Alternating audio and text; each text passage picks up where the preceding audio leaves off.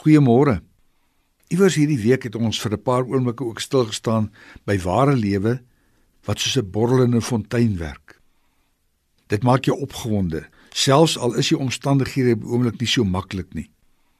Hierdie soort opgewondenheid is anders as die mense van wie ons in Johannes 5 lees. Op 'n keer, so vertel Johannes, gee Jesus 5 garsbroodjies en 2 visse. Deel hy dit uit aan 'n menigte van 5000 mense. Dit is sulke wondertekens wat Jesus gedoen het dat mense in verskriklike groot getalle agter hom aangeloop het. In die skrifgedeelte word vertel hoe mense met bootjies oor die see van Galilea gevaar het om te gaan sien waar Jesus hom bevind en of hy nie nog wondertekens sal doen nie. Daarom vra hulle vir hom nog 'n wonder. Jesus ken egter hulle diepste honger. Hy sê vir hulle 'n nuwe lewe, 'n ware lewe is dit wat julle nodig het. Wat julle nodig het sê hy vir hulle is nie die brood soos wat ek gister uitgedeel het nie. Julle het behoefte aan brood, brood wat die ewige lewe gee. Ek het nie nodig om weer 'n wonder te doen nie. Want sê Jesus, ek is die brood wat lewe gee in Johannes 6 vers 35.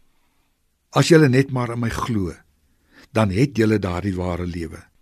Die lewe wat vir die Vader in die hemel saak maak en wat vir hom belangrik is. Luister bietjie hoe mense oor God dink en praat. Baie noem hom net die Skepper. Ander sien hom weer net as die een wat allerlei wonderwerke vir my moet laat gebeur.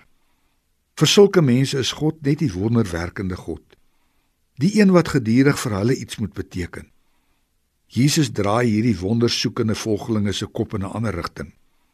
Die brood wat saak maak, is die brood wat julle 'n nuwe lewe sal gee. 'n Lewe wat nie net wil put en aanvaar dat hy gedurig net in my behoeftes en aan my begeertes moet voldoen nie. 'n Ware lewe is 'n lewe wat vir hom iets beteken. Ons het dit ons reeds gehoor.